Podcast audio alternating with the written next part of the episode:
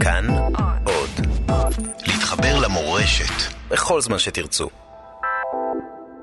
ערב שבת בין השמשות, פרשת אמור.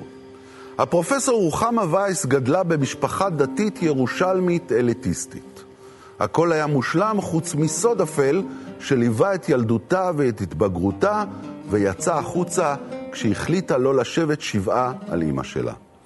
בפרשה שבה דנה התורה במעמדות שיש בתוך עם ישראל, נשוחח עם אישה שפרצה דרך עבור עצמה ועבור נשים רבות, וקוראת מחדש את הגזרות שיש בפרשה על נשים ועל כהנים עד היום. שיחה על אמונה, על כאב ועל אהבת התורה.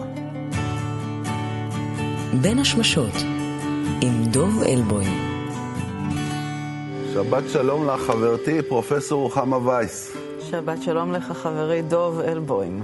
את לא רק פרופסור לתלמוד, את גם משוררת וסופרת ואומנית עם הרבה תחומים של אומנות. נראה מה מכל זה נגיע הערב הזה.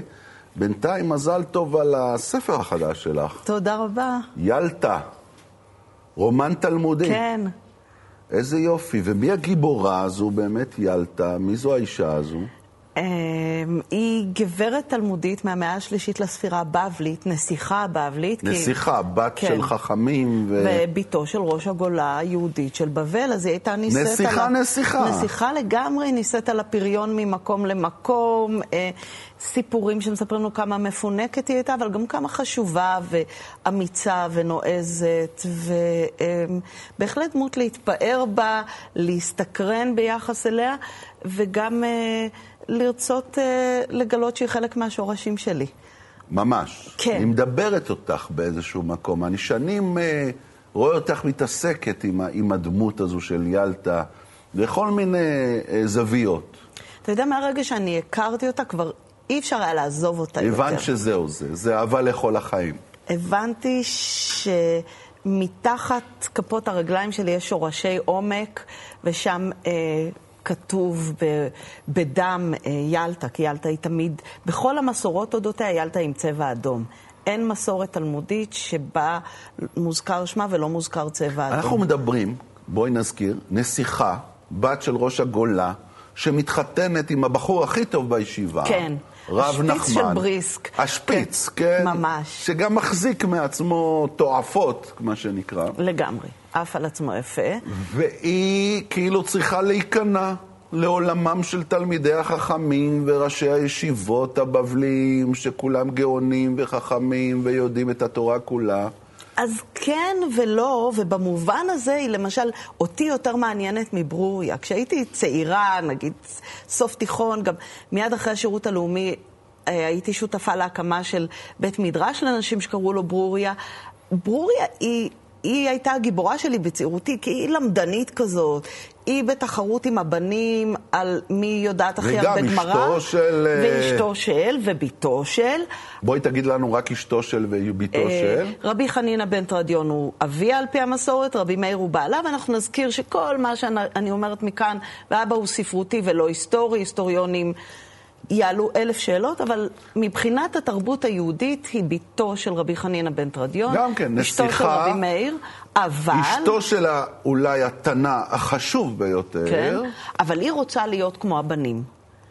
וילטה לעומתה עושה מהם צחוק, היא שם מהם חוכא ואטלולא, היא לא מתייחסת ברצינות, היא לא רוצה להיות ברוריה, היא לא היא רוצה לא להיות רוצה שיבואו לשאול אותה שאלות. היא גם לא רוצה ללמוד את התורה שלהם, היא... פעם אחר פעם מראה כמה נלעגת ולא רצינית היא תורתם, ולכן היא לא לגמרי כפופה להם, היא לא כמו ברוריה. שחושבת, היא כמו זאת שמסתכלת על הבנים שמשחקים כדורגל. ברוריה רוצה להיות השחקנית הכי טובה, וילתה אומרת, מה השטויות האלה, אתם רודפים כולם אחרי כדור. זה ההבדל ביניהם. אז תגידי, את רוחמה, בעצם התחלת את הדרך שלך לעולם התלמוד, כמו שסיפרת, בתקופה שבכלל לא היה נהוג שבנות דתיות מבית טוב או שלא טוב, לא משנה, ילכו וילמדו תלמוד, נכון? נכון? זה היה אפילו אסור, זה נכון. היה לגמרי מחוץ לנורמה. ואז ההתחלה הייתה באמת הכניסה הזאת אל העיר האסורה. אני אומרת, וזה היה מאוד מודע, אתם אמרתם לי שאני לא יכולה, אתם אמרתם לנו... מי אמר לך שאת לא יכולה? אה, לא רק המורים, גם המורות. אני זוכרת מורה בתיכון לתורה שבעל פה, אני לא זוכרת את השם שלה, אני רק זוכרת שהייתה חיוורת עד שקופה, והקול שלה היה רועד, והיא ייצגה את כל מה שהבהיל אותי בסטריאוטיפ של מה שאני הולכת לקראתו. וכששאלנו אותה למה לנשים אסור להעיד על פי ההלכה, אז היא אמרה, משום שדמעתן מצויה, או שהן דמעתנו. בכייניות בעצם. כן. שהן לא רציניות. כן, שאי אפשר לסמוך, הן כאלה בכייניות ותינוקות, שמרוב רגשנות תתבלבל לנו העדות, כי יהיה לנו לא נעים לפגוע במישהו ומה וכאלה. ומה הרגשת כשהיא אמרה את אז זה? כשהיא אמרה את זה, אני נשבעתי לעצמי בלב.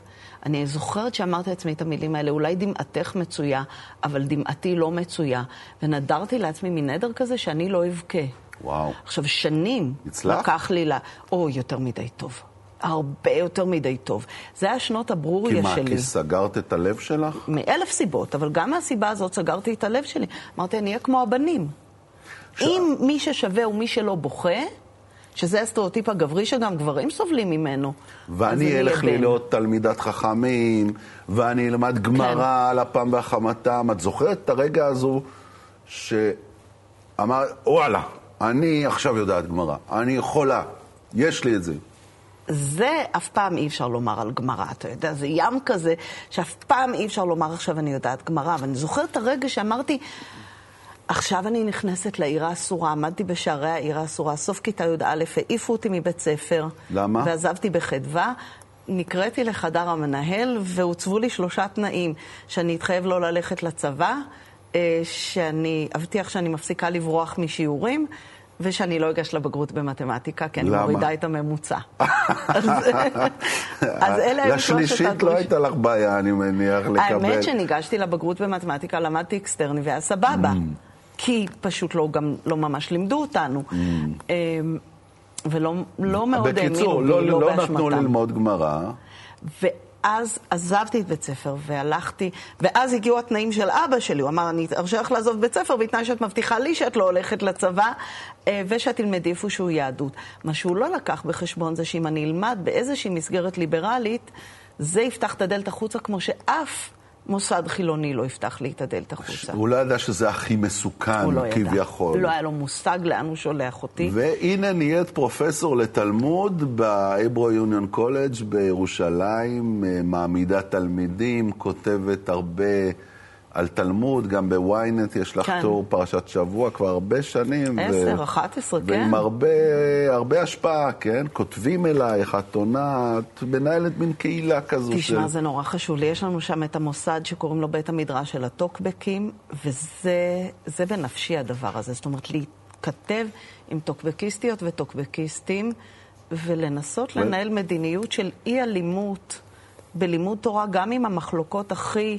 קשות, זה ממש בנפשי. זה אני מרגישה שזאת זכות להגיע לשם, דווקא לוויינט, לא למקום לא, אחר. לא, לגמרי, לגמרי. ולהגיד, אנחנו נמצא דרך לא להסכים בלי קללות. יפה, יפה. וזה מביא אותנו לפרשה, אנחנו לא נשכח את הפרשה, זו פרשה על כהנים, פרשת אמור, שמספרת לנו על מי מותר אה, אה, להתחתן אה, לכהונה בעצם, עם מי לכהנים מותר להתחתן. עכשיו, אה, הכהן הגדול, נאמר עליו, והוא אישה בבתוליה ייקח. אלמנה וגרושה וחללה זונה, את אלה לא ייקח, כי אם בתולה מעמיו ייקח אישה ולא יחלל זרעו בעמיו. זה הכהן גדול. לכהן האדיוט יש יותר הנחות, הוא יכול להתחתן עם אלמנה כמדומני, אך עם גרושה וחללה זונה הוא לא לא יכול. יכול. שהיום, אגב, בדיוק בדרך לכאן נסעתי עם נהג מונית שסיפר לי שהוא התחתן בקפריסין, כי הוא על פי המסורת כהן ואשתו גרושה.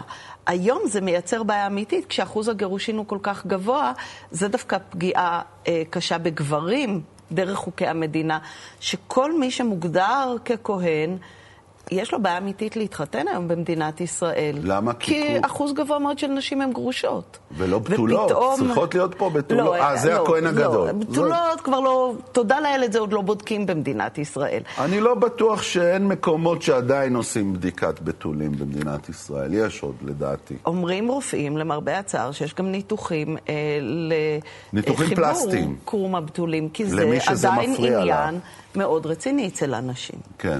למרבה הצער. מה את חושבת בעצם על כל הדינים האלה של הכהונה, ואחר כך יש פה את העניין של, ה, של המומים, שאסור לכהנים להיות בעלי מום ולשרת אה, במקדש, כל מי שיש בו אה, מום שהוא עיוור, או פיסח, או חרום, או שרוע, או גיבן, או דק, או טבלול בעינו, או גרב, או ילפת, או מרוח אשך.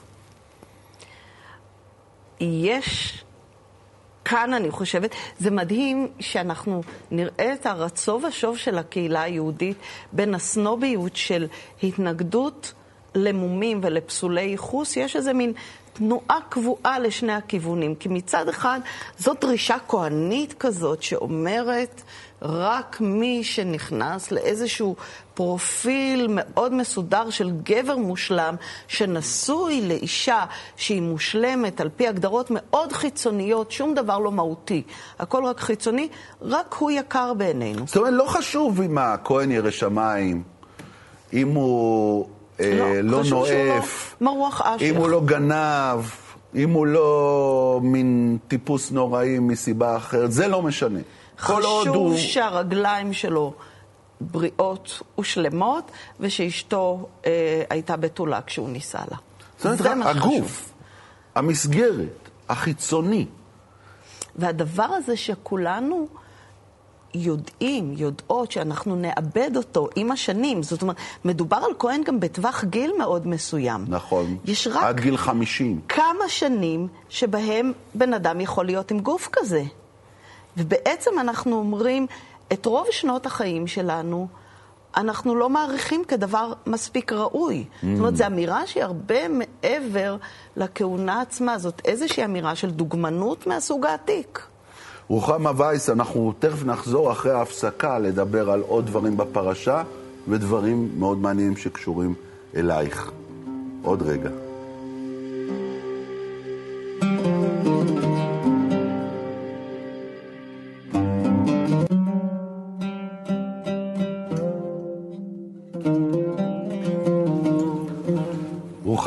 חזרנו אלייך אה, אחרי ההפסקה עם הספר החדש שלך, ילטה, רומן תלמודי. זה סיפור על הזוג הזה, רב נחמן וילטה, שמה זה? איילת, יעל, יש אפשרויות, המילונאים מציעים, מילונאי התלמוד מציעים שתי אפשרויות בין איילת או יעל. Mm. אני חושבת על אפשרות שלישית שזאת לילית. לילית. לילית, כן. דמות שמקושרת ל- לכוחות הטומאה. ב- בתרבות היהודית לאחר, אה, נגיד, תקופת המקרא, או בוודאי, בוודאי לאחר תקופת האלות הגדולות, הפילו אותה מגדולתה והפכו אותה למי אבל שמקושרת. פעם, את אומרת, היא הייתה בתוך. הפנתיאון הרגיל. ויכול להיות שמסורות מסוימות על האלות הגדולות, ביניהם גם לילית, התגלגלו ודורדרו לדמותה של אישה ששמה ילטה, ולכן גם לא מפתיע אותי לראות שהיא תמיד מקושרת לדם ולצבע אדום. זאת Mm. אז אומרת, היא בעצם זה, אלה.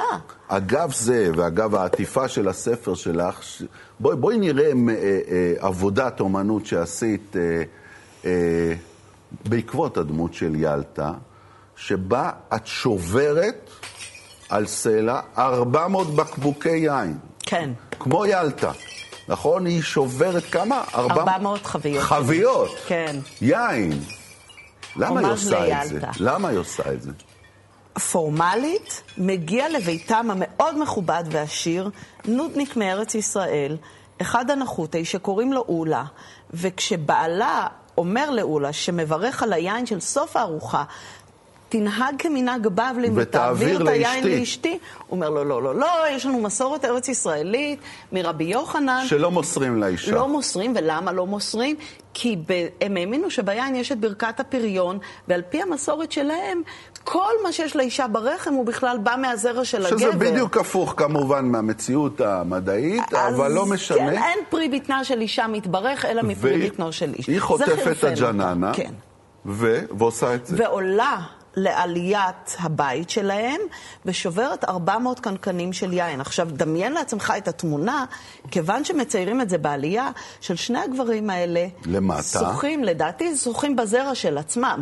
זאת אומרת, ויזואלית היא שוברת את הרחם, ואומרת, בבקשה. שוברת את הרחם. כן, היא אומרת, בבקשה, נראה אתכם מסתדרים לבד. וגם ההפסד הכספי. דווקא ההפסד הפסד הכספי. היא גם אומרת, אני נסיכה. מי ידבר איתי? כל היין הזה שאתה שותה, יא אז סמרטוטה, את הוא הפכת מהכסף שלי. מברוריה ליאלטה, נכון? בטח. זה הסיפור של החיים שלך, בינתיים. אמן, הלוואי, אבל היית מקווה. ברורה, ברוריה ניסתה להיות תלמידת חכמים, הצליחה, פרופ... ואז כאילו, את אומרת, לא רק הדמות הזו של החכמה, אני לא אהיה רק חוקרת חמורת סבר שכותבת מאמרים על התלמוד, ושבעצם מאמצת את הנרטיב שלכם, ומאמץ את הנרטיב של חוקרים, החכמים הגברים. טקסטים, כן. אני אצעק, אני אבעט, אני יקיע לכם אם אין ברירה. אני אעשה כל מעשה פרובוקטיבי, כל מעשה יוצא מגדר הרגיל, תשימו לב, את, את מתריסה, את מורדת, את מקללת, לא אכפת לך. תראה, ואני מקווה, אני לא אגיד על עצמי, אבל צריך להזכיר על ילטה לפחות, שיש לה גם היבט מאוד חומל. זאת אומרת, היא זאת שמכניסה את אה, רב עמרם חסידה לבית המרחץ, אחרי שהגברים בבית של אבא שלה מתעללים בו, והיא שוטפת אותו בידיה, רוחצת אותו בידיה. זאת אומרת, יש לילטה לפחות איזו אמירה שאני לא משחקת במגרש שלכם, הכלים שלכם לא רציניים בעיניי, אבל גם לי אין בעיה לשבור 400 חביות של יין, כי... אני זאת העשירה, אני זאת המיוחסת, אני בת... כשהתחלתי לכתוב על ילטה, שאלתי מה לי ולה. אני עכבר אשפתות. איילה, אני באתי מ... איילה, מה לי ולה? וואלה, נכון. תשמעי, את שוברת אה, חביות יין, ואני רוצה לש... רגע להתייחס לשבירת חבית שלך. אה, אמך נפטרה לא מזמן. כן. השבוע, לא מזמן, פרסמת אה, שיר בפייסבוק שלך, פרידה מאימא. יום אחד, כשהייתי כבר ממש מבוגרת, התיישבתי מול אימא שלי, שהייתה עדיין ילדה, וסיפרתי לה מה נעשה בי בשעה שהיא ישנה. באותו היום נפרדו דרכנו, 15 שנים. אחר כך הבאנו אותה לקבורה. עדיין ילדה, עדיין ישנה, או ישנה. ישנה. לא ישבת שבעה על אימא שלך. לא, ונורא חשוב לי לומר שזה לא מכעס. אני חושבת שגם בשיר הזה אין כעס. לא, לא מורגש כעס. אמ, לא יכולתי. לא יכולתי.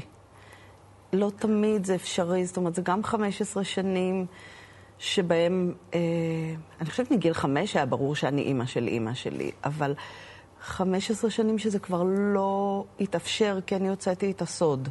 את הסוד של הפגיעה, את הסוד של האלימות בבית. הסוד של האלימות לא היה סוד, אבל של הפגיעה המינית בוודאי היה סוד. שנעשתה בך בוודאי. כשהיית ילדה. וגם כשלא הייתי ילדה. ומה אני אגיד בשבעה? מה אומרים בשבעה כשאנשים באים לנחם? שזה היה מורכב, שאני לא יודעת מה להגיד, שכולם אנשים טובים, אבל המציאות לפעמים נורא רעה, שדברים נורא רעים קורים בעולם.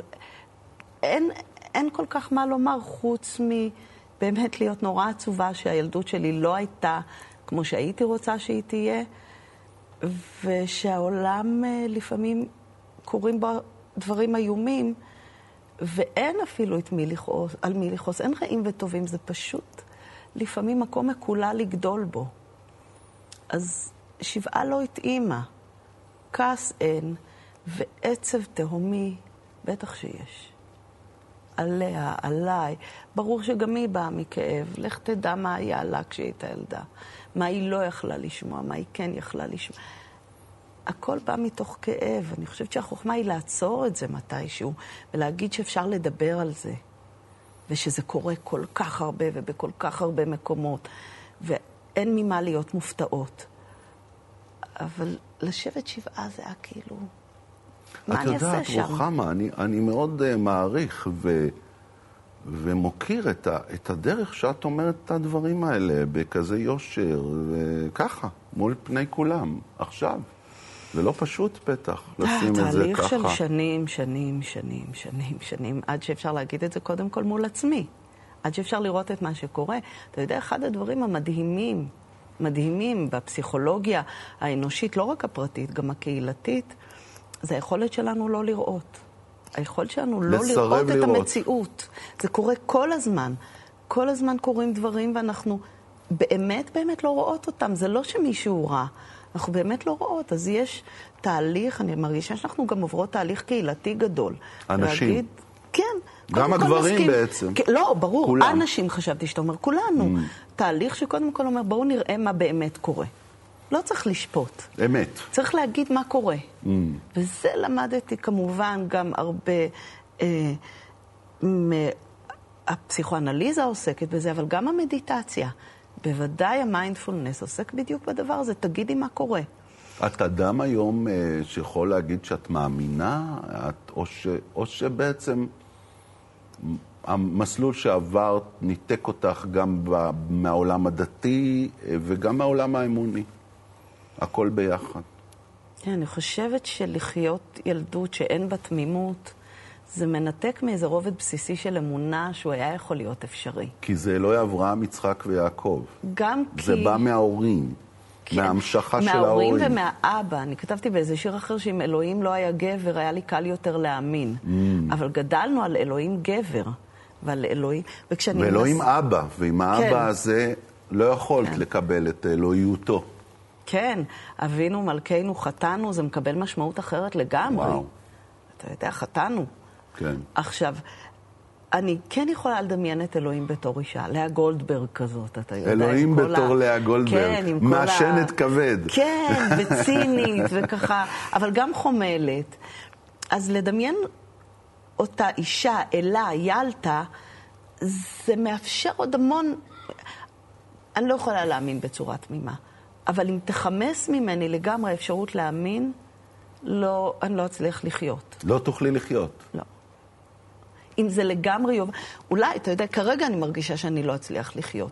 אז אני שומרת על משהו שאני מבינה כמה הוא לא רציונלי, כמה הוא קשה, כמה אפשר גם לא להאמין, אבל אני מעדיפה לחיות. בשבת, נגיד, נרות. אז בואו ננתק בין המסורת היהודית לבין האמונה. כן, ניתקנו. אבל מסורת בוודאי... אנחנו עושים, אנחנו עושים ארוחה גדולה, אני והאחים שלי והילדים שלי בשישי בערב. דרך אגב, אתם, אתם אה, משפחה מאוד uh, מחקרית, כן? יש לך כן. אחים חוקרי תלמוד, uh, חוקר תלמוד נוסף אצלכם במשפחה, וחוקרי קבלה. כן, כן. ממש חוקרים בולטים בכל, בכל תחום. נכון. כישרון יש. יש... Uh... זה, זה סוד גדול איך הגענו ואיך הגענו כולנו לעולם הזה יחד, לעולם הזה של מחקר, אה, מדעי היהדות. אה, ויש הרבה אהבה, mm. יש הרבה אהבה, וזה מציל את החיים, וזה מציל, וזה עושה לנו ימי שישי נפלאים, כי אנחנו כבר משהו כמו יותר מ-20 אנשים. שמח. שמח, אוהב. חם, מורכב, כדרכם של דברים. אז יש שישי בערב, וגם יש לי מאוד הקפדה לדבר עם הילדים שלי בטרמינולוגיה יהודית. זאת אומרת, למשל, אני אומרת, ובשיא הרצינות, המושג מצוות מסתובב אצלנו כן, בבית. כן, הוא חשוב. אומרת, תעשה מצוות. אני יכולה להגיד לילד שלי, והוא יודע בדיוק על מה אני מדברת. שמה זה אומר? לעשות את הטוב. שזה אומר שאני למשל מאוד מתנגדת לנשק ולשירות צבאי ולכל מה שזה מבטא. הוא נמצא בצה"ל. אני אמרתי לו, אתה שם? תשתדל ללכת למקום שבו תוכל לעשות הכי הרבה מצוות. כך אמרת לבן החייל כן. שלך. כן. ואני יודעת שהוא שם, אני יודעת שהוא יעשה מצוות. הוא הולך גם לצה"ל במטרה לעשות טוב בעולם וכמה שפחות אלימות, לא כמה שיותר. רוחמה, בזמן שנותר אני רוצה לקחת אותך לסוגיה מרתקת שמופיעה אצלך בספר, כי הבעל הזה של ילטה, הרב נחמן, מסתבר שהיה שובב לא קטן, והיה לו איזו טכניקה מאוד מאוד מעניינת. שהוא היה הולך אה, לסייר בכל מיני ערי מחוז אה, בבליות כדי לפסוק שם הלכות ולשחק אה, כרב. אז הוא היה מתחתן בכל עיר ללילה אחד עם אישה. כשהוא היה מגיע, כן. נגיד, לעיר שכנציב, היה יוצא הכרוז, מי רוצה להיות אשתו ללילה של רב נחמן? וככה באופן סדרתי, אני... זה לא יאומן שהתלמוד מספר על אחד מגדולי חכמיו, שזה היה מנהגו. והוא עוד הבעל נכון? של ילטה, כן. היפהפייה הזו. כן, אז מה שעניין אותי, היא אישה גדולה. היא אישה גדולה, אני, אני מדמיין שהיא גם פיזית גדולה. ובכל הרומן הוא בעצם בנוי כך שהיא כותבת איגרות לחברה שלה שנפלה בשבי והגיעה לארץ ישראל. ושם היא גם מתארת לה, או מערכת היחסים עם נחמן היא הלב של העניין, והיא מתארת לה גם את החוויה הזאת. עכשיו הן יודעות שהגברים שלהם אה, מסתובבים עם עוד נשים, שוכבים עם עוד נשים. זה ברור ליאלטה שגבר כמו נחמן הוא לא אה, גבר שפוחד לנהל עוד מערכות יחסים. מה שמעניין זה הפומביות הזאת. רב נחמן, כשהיה מגיע לשכנצים... מספרים לכולם, זה לא מתחת לשולחן. הוא היה מכריז מן הוויה ליום, מה, זה מותר? זה מותר הלכתית? הלכתית זאת לא אמורה להיות בעיה, הוא מקדש אותה, מגרש אותה, שלום, נגמר. אבל... מה זה תרבותית, אומר? תרבותית הרגע הזה מעניין גם על רב, דור ראשון של המוראי ארץ, דור אחד, אה, בבל, דור אחד לפניו, גם עליו מסופר אותו דבר. שגם הוא, הייתה לו עיירה שהוא היה מגיע אליה ומקדש אישה ליום. והתלמוד... מה זה, זה זנות ממוסדת כן. בעצם, הייתה נהוגה בימי התלמוד. לא צריך כל כך להדהים אותנו, כי זנות לא ממוסדת הייתה נהוגה מאז ועד היום. כן, אבל אז... ממוסדת, הרב הראשי, כל עיר שהוא מגיע, תדמייני לעצמך. מזמנים לו איזה, איזו אישה ללילה, כי לא נעים לו לישון לבד לילה. היה לנו רב ראשי שאני לא יודעת כמה הוא היה רחוק מהדבר הזה. אבל זה רשמי, זה רשמי, אין פה שום כן. סודות, הכל על השולחן. אז מה כן. הפלא שהיא שוברת 400 uh, אה, חביות יין? אני חושבת, א', היא הייתה אישה נורא חזקה. אני חושבת שהיה ביניהם משחק כזה של הורדת ידיים. Mm. וכשהיא מרדה בהלכות הנידה שפיתחו החכמים. מה זאת אומרת מרדה? היא עשתה חוכא ואטלולא, הם דרשו שיבואו להראות להם דם נידה. את התחתונים. כן, את ה... היה להם עת בדיקה כזה, בשביל להגיד אם זה דם נידה או דם זיווה גדולה, לא ניכנס לברדק ולזכי הזה. שיש איזו משמעות של כמה ימים צריך לשמור את, אה, את ההפרדה כן, בעצם. בין הגבר לאישה. עכשיו, היא עושה תרגיל קטן, היא הולכת לרבא בר בר חנה, מראה לו את הדם שלה. רב חביב מאוד. חביב, מלא סיפורי אה, פלאות. והוא אומר, פעם אחת הוא אומר לה שהאדם הזה טמא, זאת אומרת שהיא במחזור עדיין, אז היא הולכת לבר, לבן של הבר פלוגתא של בעלה, ומראה לו את הדם, והוא מטהר לה את הדם. ובעצם היא אומרת להם, אתם לא מבינים כלום. זה הכל שטויות. ואני מדמיינת שאחר כך הוא הולך לשכנציב. הוא אומר לה, ככה? אה, עשית לי פדיחות כאלה? כן, להביך אותי ליד כל החברים שלי? אני אביך אותך. כן. זאת אומרת, הוא עשה את זה מולה. לגמרי, משחק ה... של הגדולים. הם mm. שיחקו במגרש הזה של הורדת ידיים, אין להם הרבה נחת. משהו אחד אחרון לסוף הפרשה, יש לנו סיפור מופלא ומסתורי על איש אחד, ויצא בן, איש, אישה, בן אישה ישראלית. והוא בן איש מצרי בתוך בני ישראל, וינצו במחנה, בן הישראלית ואיש הישראלי. ויקוב בן האישה הישראלית את השם, ויקלל, ויביאו אותו אל משה, ושם אמו שלומית בת דברי למטה דן.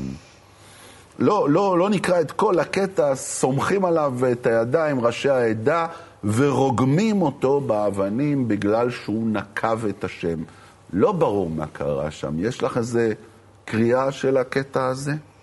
אני חושבת שקודם כל חשוב לשים לב שמזכירים את אימא שלו. נכון, זה מאוד מאוד... זאת אומרת, היא הבן כזה, אתה אישו, יודע. היא אישו. כן, זה היא, נורא חשוב לדעת. היא אולי לדעת. מין כזו, מי יודע. אני, אני הולכת למקום הזה, ואני אומרת, חלק מהמאבק המונותאיסטי וחלק מהמאבק של הפטריארכיה לבסס את מעמדו של האל הבן היחיד שלה, זה אה, לדכא נשים שהן מסכנות, שאולי הן קצת אלות, שאולי הן קצת גם יכולות... ואולי הבן הזה הוא סוטה כי אימא שלו כבר התחילה את הסיפור וזה הזה. וזה לפחות מה שהם אומרים לנו. Mm. אימא שלך עשתה את הדבר הזה, mm. והיא זאת שבאמת מפחידה אותנו. היא לא הולכת בתלם שהפטריארכיה עם האל הגברי המונותאיסטי סללה ללכת בה, ולכן אנחנו נסקול אותך, ואנחנו נזכיר את השם של האימא שלך, ותדע כל אם עברייה, שאם היא חושבת להרים ראש בפני הפטריארכיה ולהלל בפני ילדיה איזה אלה אחרת, היא תשלם על זה. היא תשלם, וגנוסייד. נשמיד את הילד שלה. טוב, נקווה שלאה גולדברג אה, ייקח את המקום פה. אלוהי אלתא. אלוהי אלתא. תודה רבה, פרופסור רוחמה וייס. שבת שלום. תודה רבה, שבת שלום. תודה לך. שבת שלום גם לכם. בשבוע הבא פרשת בהר, פרשת הצדק החברתי. נפגוש מנהיג של צדק חברתי. שבת שלום ומבורך. thank you